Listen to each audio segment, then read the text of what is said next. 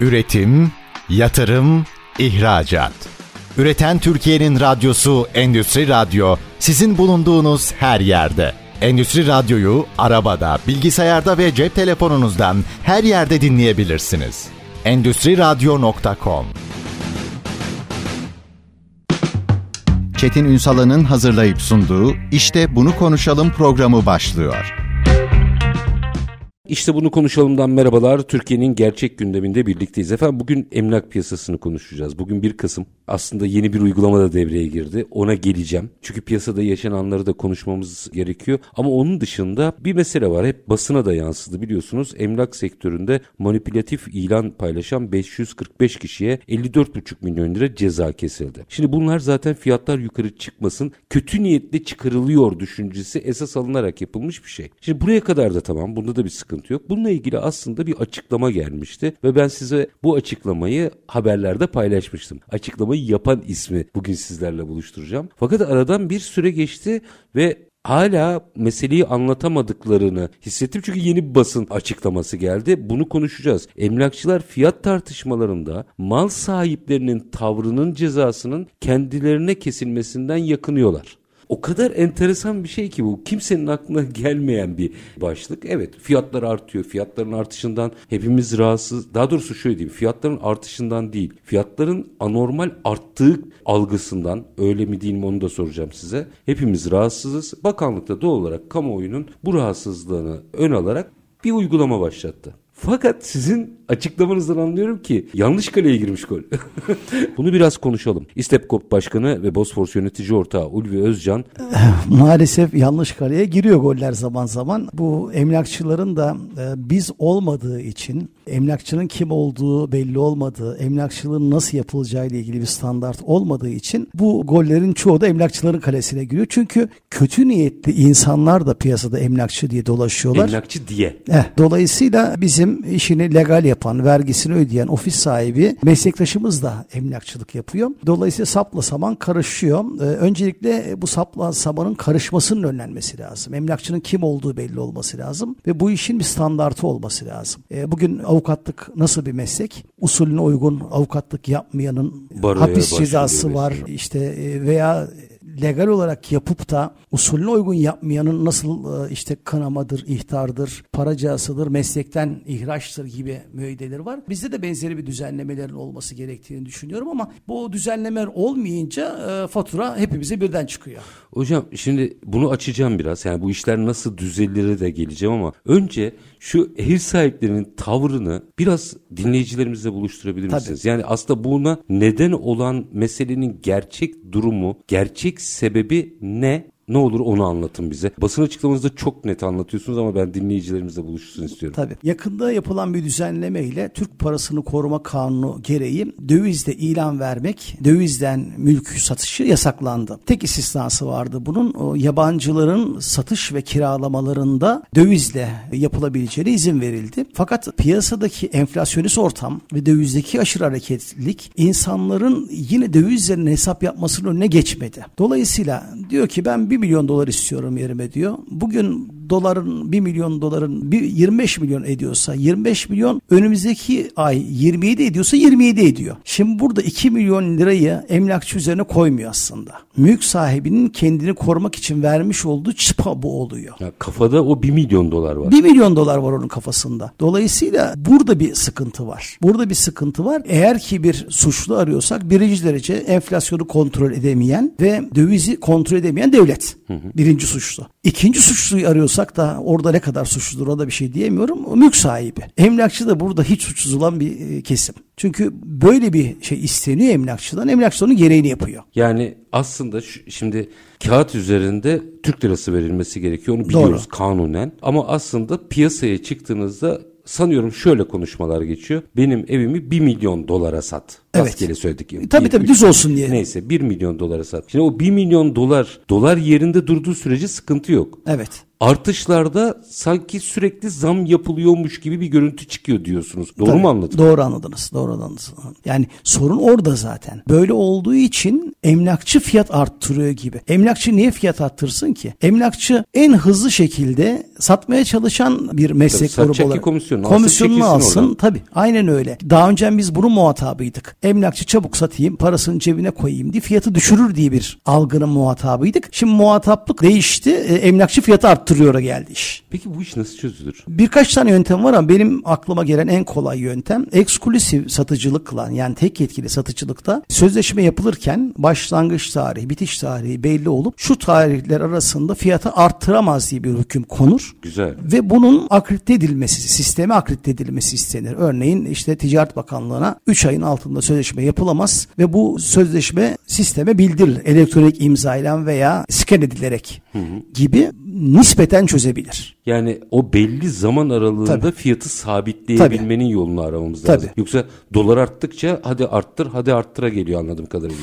Ee, bir böyle e, bir de bu ekskluzif çalışma Türkiye'de yerleşmedi. Ben şu kadar parayı isterim üzerine ne kadar koyarsan koy ve onlarca emlakçıya verilerek kim satarsa o komisyon alır mantığı bu işteki temsili sakat bir hale getiriyor. Bunu örneklemek gerekirse çok anlaşılır bir tabirle vereceğim. Bir kadın boşandığı zaman yeniden evlenmek isterse mahkeme kararıyla evlenmeye izin alınması gerekiyor. Bu evlenmeye izin alınma işlemi de iddet müddetini kaldırılması deniyor. Bu iddet müddetinin kaldırılması nesepler karışmasın diye kadının hamilelik kontrolüne gidip hamile olmadığına dair belge aldıktan sonra mahkeme izniyle oluyor.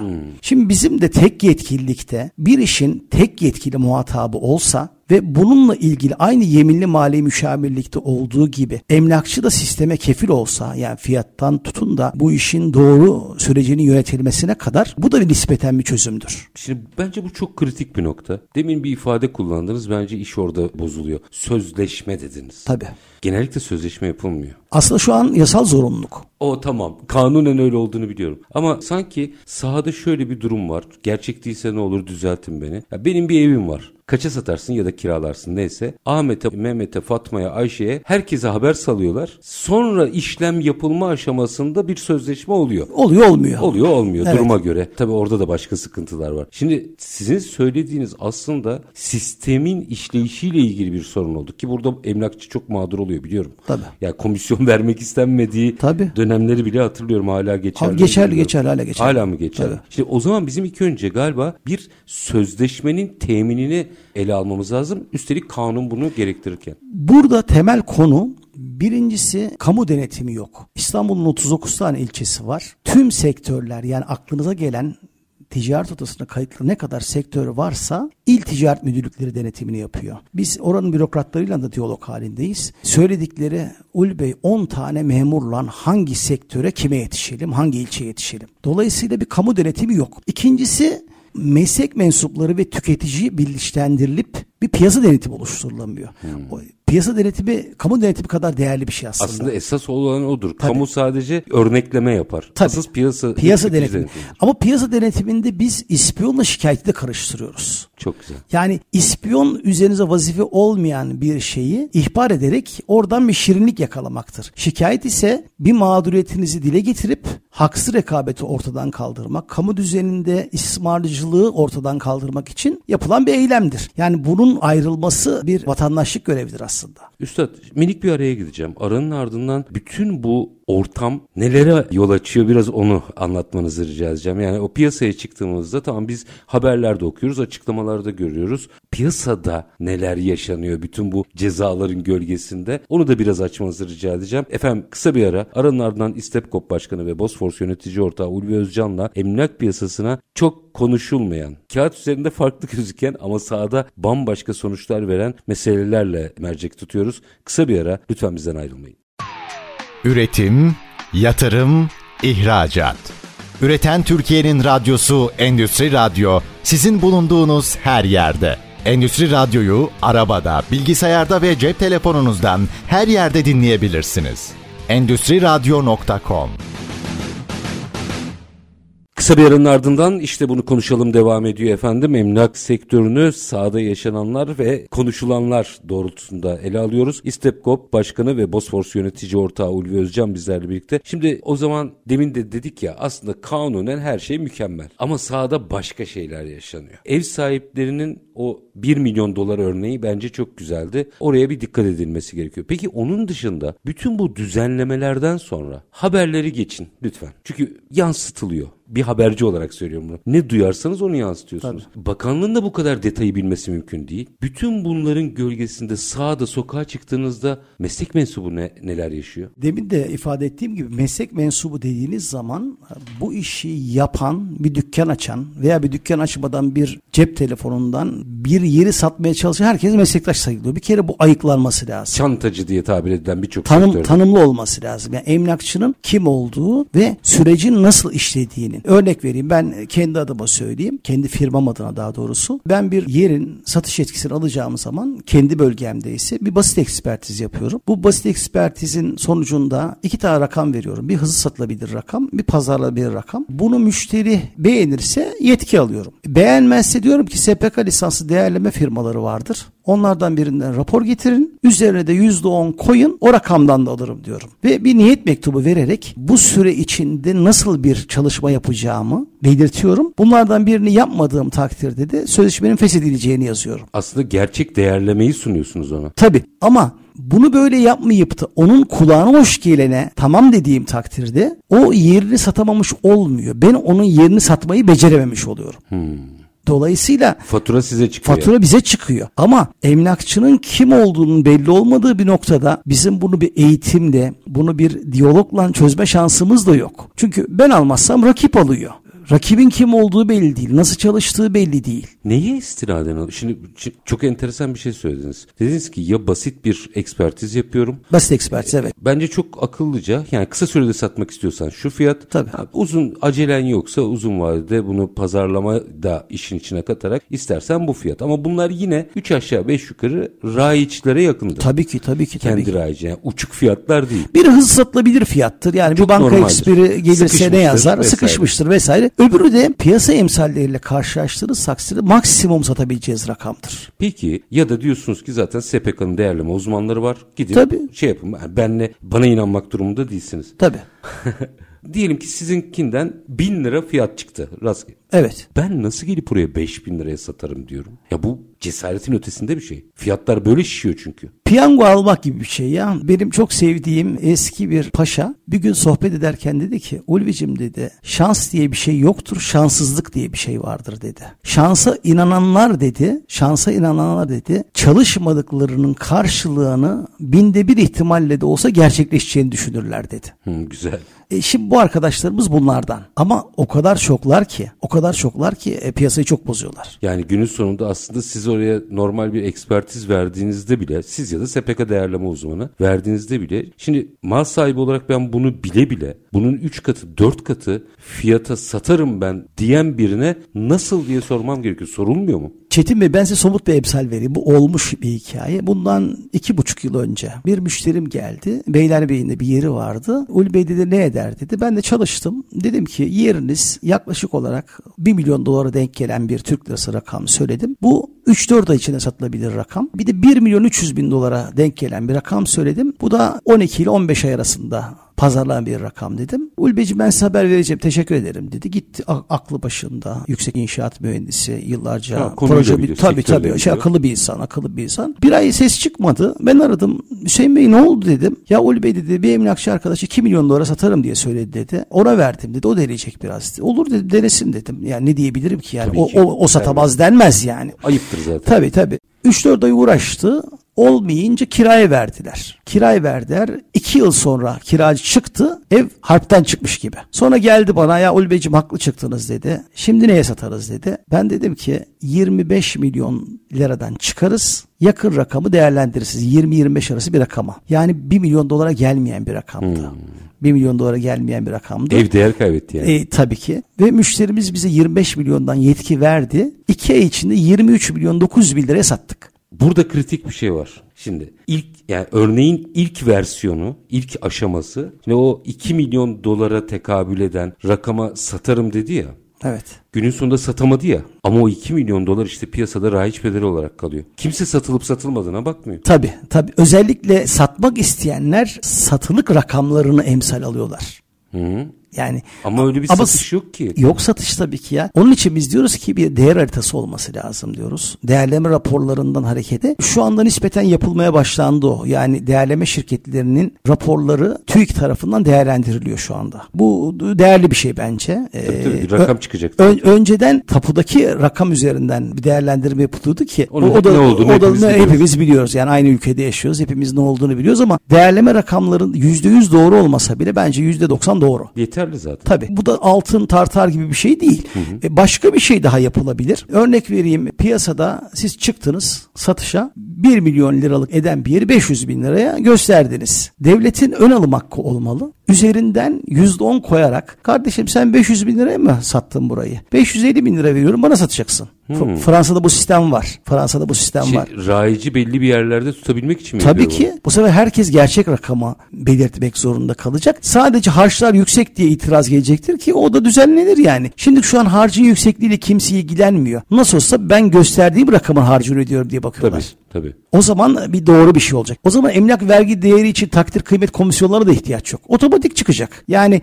eleğin altına düşen çekilecek. Bak Pi- ortalaması. Piyasa disiplini gelecek anladığım kadarıyla. Kesinlikle. Ya hocam şimdi ufak ufak şu 1 Kasım'a geleceğim ama yine bununla bağlantılı olarak internet siteleri üzerinden yapılanlar çok mercek altında. Ben kimseye haksızlık etmek istemiyorum. Kimseyi aklamak da istemiyorum. Orada gerçekten ne yaşanıyor? Size sormak istiyorum. Tabii. Eskiden sizlerin benim yaşım yeterli. Hürriyet emlak da piyasayı belirleyen. Şimdi olmadığı için rahat Şimdi ha, tabii onun için. Ben de hatırlarım bu Seri arada. ilanlar yani Hürriyet'in seri ilanlarıydı. Gün geldiği nokta itibariyle emlak portalları oldu. Bunu da toplasanız bir tanesi çok büyük, 3-4 tane daha yine büyük olanlar var. Bunlar belirliyorlar piyasayı. Burada yapılan işlem şu oluyor. Emlak portallarına bilgi giriliyor ama bu bilginin doğruluğu teyit edilmeden giriliyor. Benim Do- beyanım mı esastı? Yani şey, mal emlakçının sahibi olarak. e, emlakçı. mal sahibi de değil emlakçının yani o üyeliği almış olan emlakçının beyan esastı. Sizin ilk verdiğiniz örnekteki 2 milyon dolara satarım diyen emlakçı oraya 2 milyon dolar verdi mesela. O, o yine eksklusif yetkiyle oldu. Bu dediğim eksklusif tek yetki de yok. 10 kişi giriyor ayrı ayrı. Kimse bu nedir diye sormuyor. Bu doğru mudur diye sormuyor. Birisi 150 metrekare giriyor, öbürü 130 metre giriyor. Ha, özellikler de tutmuyor. Tabii ki tutmuyor tabii. Ve haliyle aynı yer olduğu belli olduğunda alıcı eğer ki biraz piyasanın durumundan haberdarsa en uygun fiyat yazana en az komisyon isteyene gidip işi bitirmeye çalışıyor. Bitiyor mu? Ben çok bittiğini düşünmüyorum yani ama oradan ne oluyor? Piyasa tabiriyle gel gel denen bir işlem vardır. Yani alıcı kaydı oluşturma. Veri. Takip edebileceği müşteri oluşturuyor. Ondan sonra da ulaşamadığı müşteri bile varsa benim müşterim var diye gidiyor müşteriye. Aa şaka gibi. Tabii tabii. Bu şekilde yapılan e, işlemler oluyor ve burada dürüst çalışan, ilkeli çalışan emlakçılar mağdur oluyor. Çok spesifik bir örnek vereyim bu gerçektir. Birkaç tane emlak firması var. Örneğin benim Ak Merkez'de 25 milyon liraya satmaya çalıştığım yeri Rastgele. Fiyatlar da yerde rastgeledir bu Adı arada. tabii tabii tesadüfen konuşuyorum. Ben 250 metrekareye girmişim. O 350 metrekare yazıyor. Aynı yer. Aynı yer ve 25 milyon değil de 20 milyon yazıyor. Şimdi siz alıcısınız. Bana mı gelirsiniz ona mı gidersiniz? Ona gidiyorsunuz. Tabii. Bir de öne çıkarma işlemi yapıyor. Çok yüksek doping paraları ödeyerek. Yani ayda 50 bin 100 bin liralar konuşuluyor. Yani. Botluyor mu yani? Boltlama da değil aslında ya. Öne çıkarma için bir bedel ödüyor. Hmm. Reklam veriyor. Reklam veriyor, reklam veriyor. Çünkü aynı yerin 10 kişide ilanı olunca arka sayfalara düşüyor ilanlar. Çok kalabalık bir ilan şeyini düşünün. Tabii algoritma onu iteler. Tabii iteliyor. E bu sefer öne çıkan kazanıyor. Hem fiyatı uygun hem metrekaresi yüksek. Bu sefer beni arıyor. Kendi elinde değil yer benim elimde. Ul Bey bir müşterim var getirebilir miyim bu portföyünüze? Eğer ben de onun bu o, manipülasyonundan habersizsem Emlakçılıkta paslaşmak esastır. Tabii ki. Getir diyorum. O kendi müşterisinden komisyon alır. Ben kendi müşterimden alırım ama o aslında haksız rekabet yapıyor. Hem metrekareyi yanlış yazmış hem fiyatı yanlış yazmış. Dolayısıyla şu anda yapılan düzenleme bunu da düzenlemeye yönelik. Bu arada dava açılsa siz de haberiniz olmadan yanarsınız. Çünkü özellikler tutmuyor. Hadi fiyat çok subjektif bir şey ama 300 metrekare yere 350 diyorsanız özellik tutmuyor demektir. İşte burada aslında çok zor bir işlem yok. Çünkü Türkiye'de teknoloji belli bir yere geldi. Her gayrimenkulün bir ID numarası var. Oraya doğru bilgiler girilirse, Hepimizin TC kimlik numarası var. Şirketlerin, vakıfların, derneklerin Mersis numaraları, EPSIS numaraları, bilmem ne numaraları var. Bunları örtüştürdüğünüz zaman her yerin bir tane sahibi olur. Örneğin ben girdim kaydı. Siz de başka emlakçısınız. Siz de girmeye kalktınız. Hemen orada size şu ibareyle cevap verilmesi lazım. Girmiş olduğunuz kayıt şu tarihle şu tarih arasında başka bir Blok emlakçıya tahsislidir. Bir yanlışlık varsa mülk sahibiyle görüşünüz. Bitti. Yetki vermiyor yani. Yet, tabii ki, tabii ki. Şimdi şu anki yeni düzenlemede de o yüzde yüz düzenlenmiyor. Peki şimdi araya gideyim. Tam da o yeni düzenlemeye getirelim. Hem ne getiriyor hem de ilk gün itibariyle ne oldu onun yanıtını bir alacağım. Efendim kısa bir ara aranın ardından İstepkop Başkanı ve Bosfors Yönetici Ortağı Ulvi Özcan'la işte bunu konuşalım diyeceğiz. Lütfen bizden ayrılmayın. Üretim, yatırım, ihracat. Üreten Türkiye'nin radyosu Endüstri Radyo sizin bulunduğunuz her yerde. Endüstri Radyo'yu arabada, bilgisayarda ve cep telefonunuzdan her yerde dinleyebilirsiniz. Endüstri Radyo.com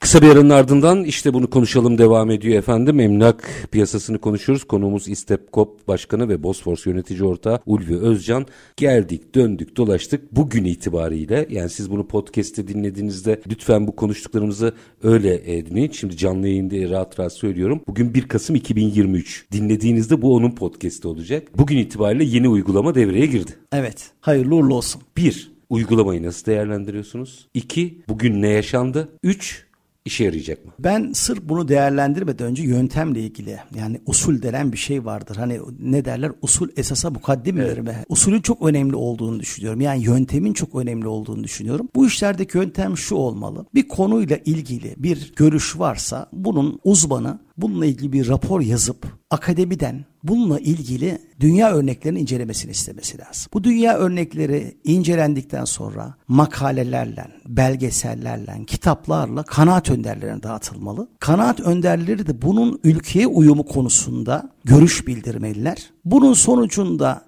ele geçen döküman yine bir raportör vasıtasıyla hazırlandıktan sonra siyasi iradeye verilmeli. Bu işte bakanlık yetkilileri olabilir, daha üst düzey görevliler olabilir bilemiyorum. Damıtılmış bilgi. Tabi tabi tabi. Yani sentezden geçmiş bilgi. Hmm. Ondan sonra kendisinin siyasi iradesi olarak ortaya koyup bunu meclis gruplarına getirip alt komisyonlar, kanunlar gibi işlemesi lazım. Bizde böyle olmuyor. Bizde güzel bir atasözü vardır. Kervan yolda düzülür. Önce iş yapılıyor Sonra Ondan sonra düzel. Bugünkü durumda bunun birebir örneğidir. Geçtiğimiz günlerde İstanbul Ticaret Odası Emlak Müşavirleri Meslek Komitesi bir kanaat önderlerine yönelik bir toplantı yaptı. Orada da görüşlerimizi belirttik, e, dosya olarak verdik. Daha sonradan da İstanbul Ticaret Odası meclis salonunda bakanlık yetkililerinin, emlak portallarının hazır olduğu bir zümre toplantısı yapıldı. Orada da gittik e, dinleyici olarak. Bakanlık görevlileri bir kere direkt söyleyemezlerdi. Çünkü 1 Kasım itibariyle işleme gireceğini ifade ettiler. Konuya hakim olmadıklarını gördüm. Emlak portalları da direkt söylediler. Biz hazır değiliz.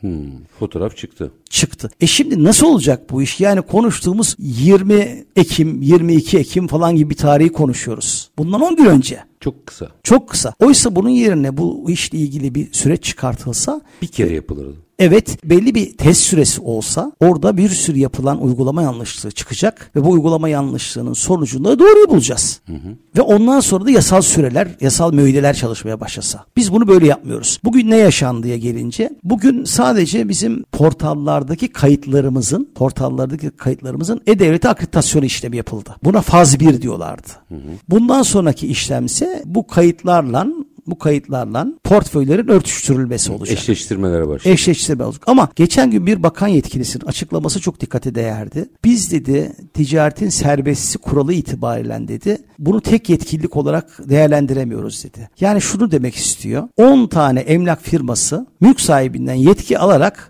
10 tane ayrı gayrimenkulmüş gibi de girebilecek. O zaman ne yaptık? Japonya ile Amerika komşu. Ama biri dünyanın bir ucu, biri dünyanın bir ucu. Yani nereden baktığınızla ilgili bir durum çıkıyor ortaya.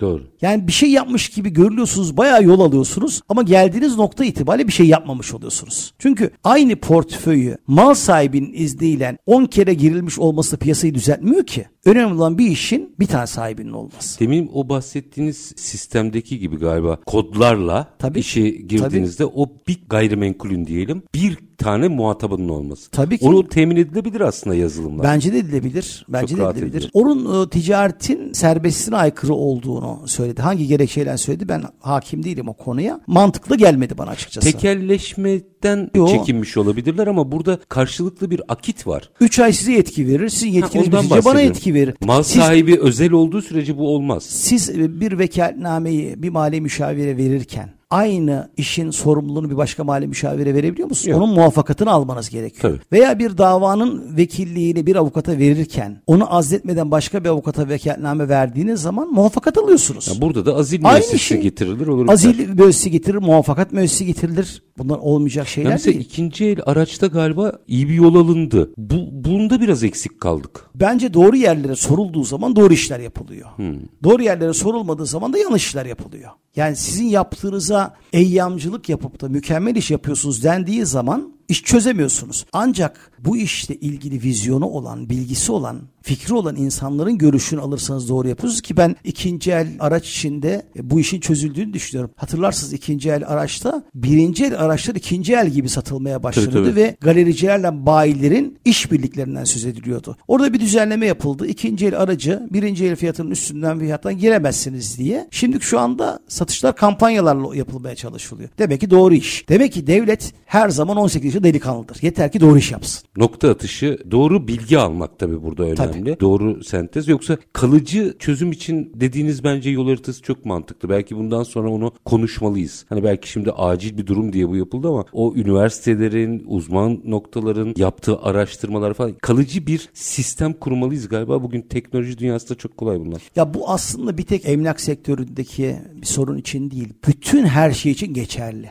Yani bir süreç haritasının çıkartılması. Süreç yönetimini sağlıklı yaparsanız çok analitik yollardan çok verimli sonuçlar elde edersiniz. Bu konu ne olursa olsun. Peki şimdi bundan sonra faz 1 de geçiliyor. Faz 2'ye geçeceğiz. Sonrasında gerçekten bizim bu manipülatif rakamlar hayatımızdan çıkacak mı? Ben şu anki yöntemlerle çıkacağını düşünmüyorum. Niye ve nasıl çıkar? Çıkmayacağını düşünüyorum çünkü bir yerin kaydını birden çok kişi girdiği zaman Ha, o demin dediğiniz. Bu mesele. bir sorun. Orada fiyatlar o satması da ben satayım diye oynanacaktır. Çünkü belli bir süreli fiyatı artıramayacağı dair tek yetkili olmadıktan sonra bu eşyanın tabiatıyla ilgili bir şey. Burada tabii başka sektörlerde rekabet fiyatın düşmesine neden oluyor. Burada çıkmasına neden oluyor. Ben daha pahalıya satarım Tabii. rekabeti başlıyor. Tabii tabii tabii. Çünkü portföy piyasada az. Portföy piyasada az olduğu için ben daha az komisyon olarak daha pahalıya satarım O diye da aslında hem piyasayı hem enflasyonu tetikliyor. mü- mülk sahibine şirinlik yapmaya çalışıyorlar bazıları.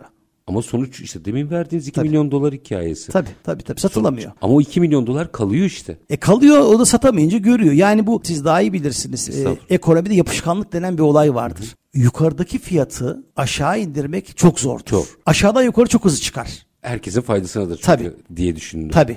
Dolayısıyla yani bunun e, çok önemli olduğunu düşünüyorum. Bu işle ilgili de dünya örnekleri incelendiği takdirde dünyada bu işin nasıl çözüldüğüyle ilgili kesinlikle bir fikir sahibi olunacaktır. Akademisyenler bunlarla ilgili makaleler yazacaktır, kitaplar yazacaktır, belgeseller çekecektir ve çok sağlıklı bir piyasa denetimi yapılabildiği takdirde piyasa denetiminin yapılabilmesi için de tüketici dernekleriyle e, birlikte çalışmak gerektiğini düşünüyorum. STK'larla birlikte çalışmak gerektiğini düşünüyorum. Meslek örgütleriyle birlikte çalışmak gerektiğini düşünüyorum ve kamu spotlarıyla da bununla ilgili bilinç geliştirmek gerektiğini Aslında düşünüyorum. çok uzak değil ki. Ticaret Bakanlığı'nın tüketici dernekleriyle federasyonu zaten birlikte çalıştığı yapılanmalar var. Var var var tabii tabii. o tabii. mecralarda bu iş Kesinlikle, kesinlikle. Peki o zaman resmi biraz büyüteyim mi? Bu günlük tartışmalardan çıkarak. Biz gayrimenkul piyasasını İnşaat demiyorum bakın. İnşaat sadece bir bina. Tabii. Gayrimenkul piyasasını kalıcı olarak düzeltmek için dünyadaki örnekler gibi özelliklerini bize uydurabiliriz. O önemli değil. Bozmadan. Ne yaparsak bizim gerçekten sağlıklı bir gayrimenkul piyasamız olur. Bu çok uzun bir konu ama birkaç cümleyle ben bunu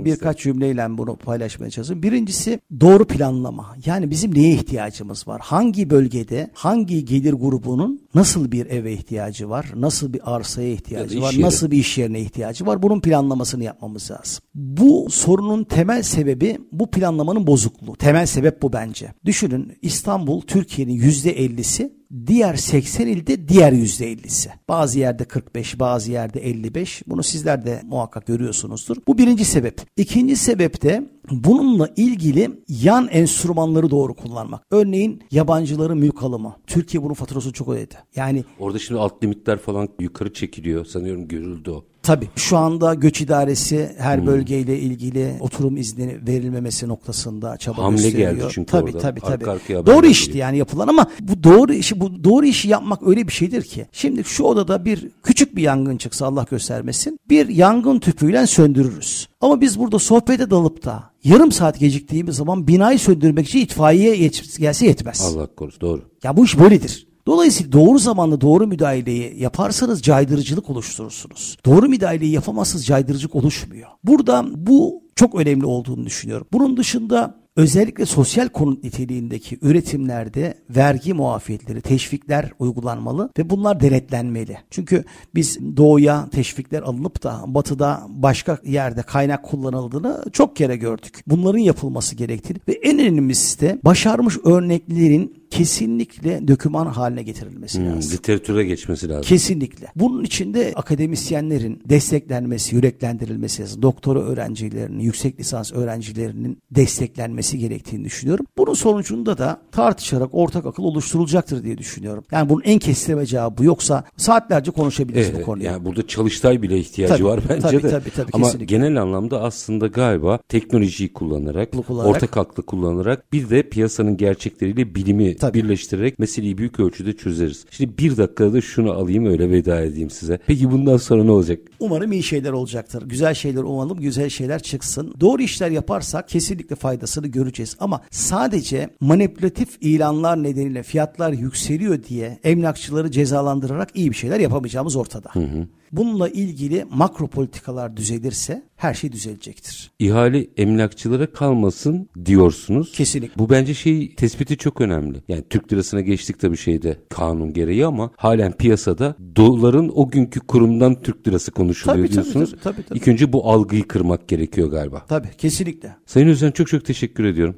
Ben teşekkür Ee, ederim. Bence böyle o kadar güzel bir gün oldu ki yani hem şu yaşanan sizin sorununuzu konuşmuş olduk hem de tam da 1 Kasım'a denk gelince uygulamanın ilk günün sonuçlarını da ele almış olduk. İstepkop Başkanı ve Bosphorus Yönetici Ortağı Ulvi Özcan çok çok teşekkür ediyorum. Ben teşekkür ediyorum. Umarım faydası olur. Var olunuz efendim. Efendim biz bugün emlakçılar fiyat tartışmalarında mal sahiplerinin tavrının cezasının kendilerine kesildiğinden yakınıyor meselesine işte bunu konuşalım dedik. Oradan yola çıktık aslında emlak piyasasının gayrimenkul sektörünün e, her yönüyle nasıl düzelebileceğine dair aslında nokta atışı tespitleri vardı Sayın Özcan'ın. Bizler sizler için konuştuk. Her zamanki gibi bitirelim. İşinizi konuşun, işinizle konuşun. Sonra gelin işte bunu konuşalım. Hoşçakalın efendim.